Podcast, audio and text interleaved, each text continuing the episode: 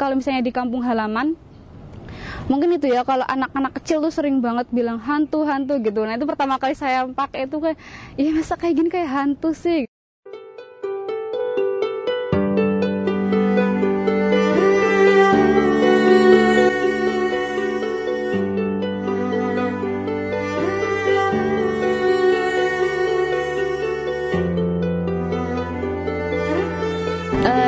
saya Mein Fitri Fatona, biasa dipanggil Mein. Umur saya 21 tahun. Uh, pekerjaan mahasiswa. Uh, pertama kali pakai cadar kalau tidak salah tahun 2015 Desember.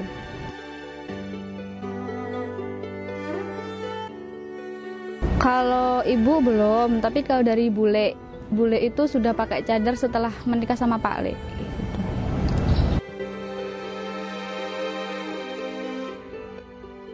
Kalau motivasi dulu waktu SMA, jadi waktu kelas 2 SMA itu ada kakak tingkat alumni SKI yang di yang beliaunya itu sudah kuliah. Nah, di situ kita kan kumpul bareng sama SKI. Nah, itu kakak tingkat itu pakai cadar. Nah, terus saya melihat kok kayak ayem gitu kan, kayak tentrem hatinya. Nah, terus itu saya tertarik ada niatan untuk pakai cadar.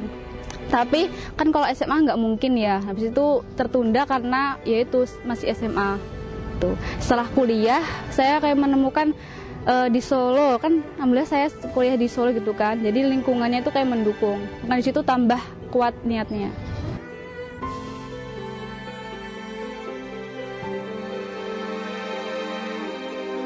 Pertama kali uh, saya kasih tahu itu kakak tingkat, kakak tingkat uh, PG PAUD, di mana uh, mbaknya itu kan biasa pakai kerudung besar. Nah, terus saya meminta pendapat gimana kalau misalnya saya sebagai mahasiswa PG PAUD yang di situ banyak keseniannya dan tari dan sebagainya, saya memutuskan untuk pakai cadar apakah akan menghalangi mata kuliah atau sebagainya.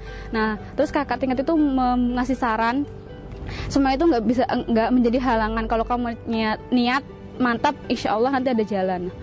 Terus dari pertimbangan itu saya mantapkan untuk pakai cadar. Sebelumnya itu sebenarnya tahun 2015 Desember saya sudah pakai.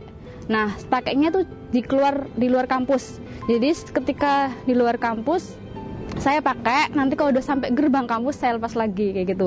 Sampai bulan Maret, sampai bulan Maret tahun 2018.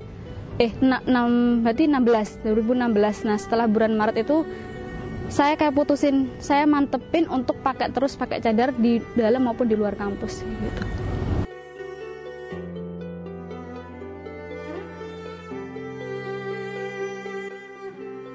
Kalau dari orang orang tua saya kayak membuat pendekatan dulu. Karena kan misalnya kalau pulang dari Solo gitu kan saya sering banget cerita sama orang tua.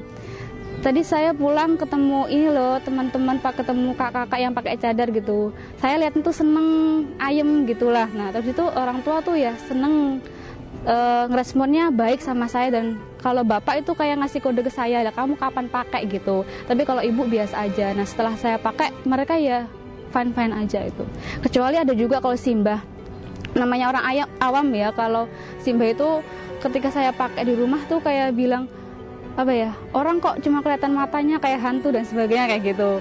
Ya saya ya mungkin simbah belum tahu kayak gitu. Tapi lama-lama ke sini alhamdulillah sudah apa ya memaklumi gitu.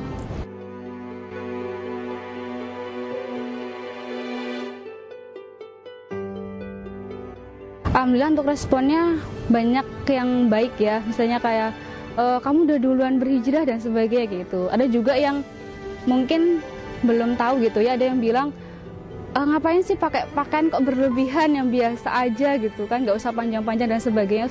Ya udah nggak apa-apa mungkin dia belum tahu gitu. Ada juga yang teman-teman ngasih motivasi ya insya Allah istiqomah dan sebagainya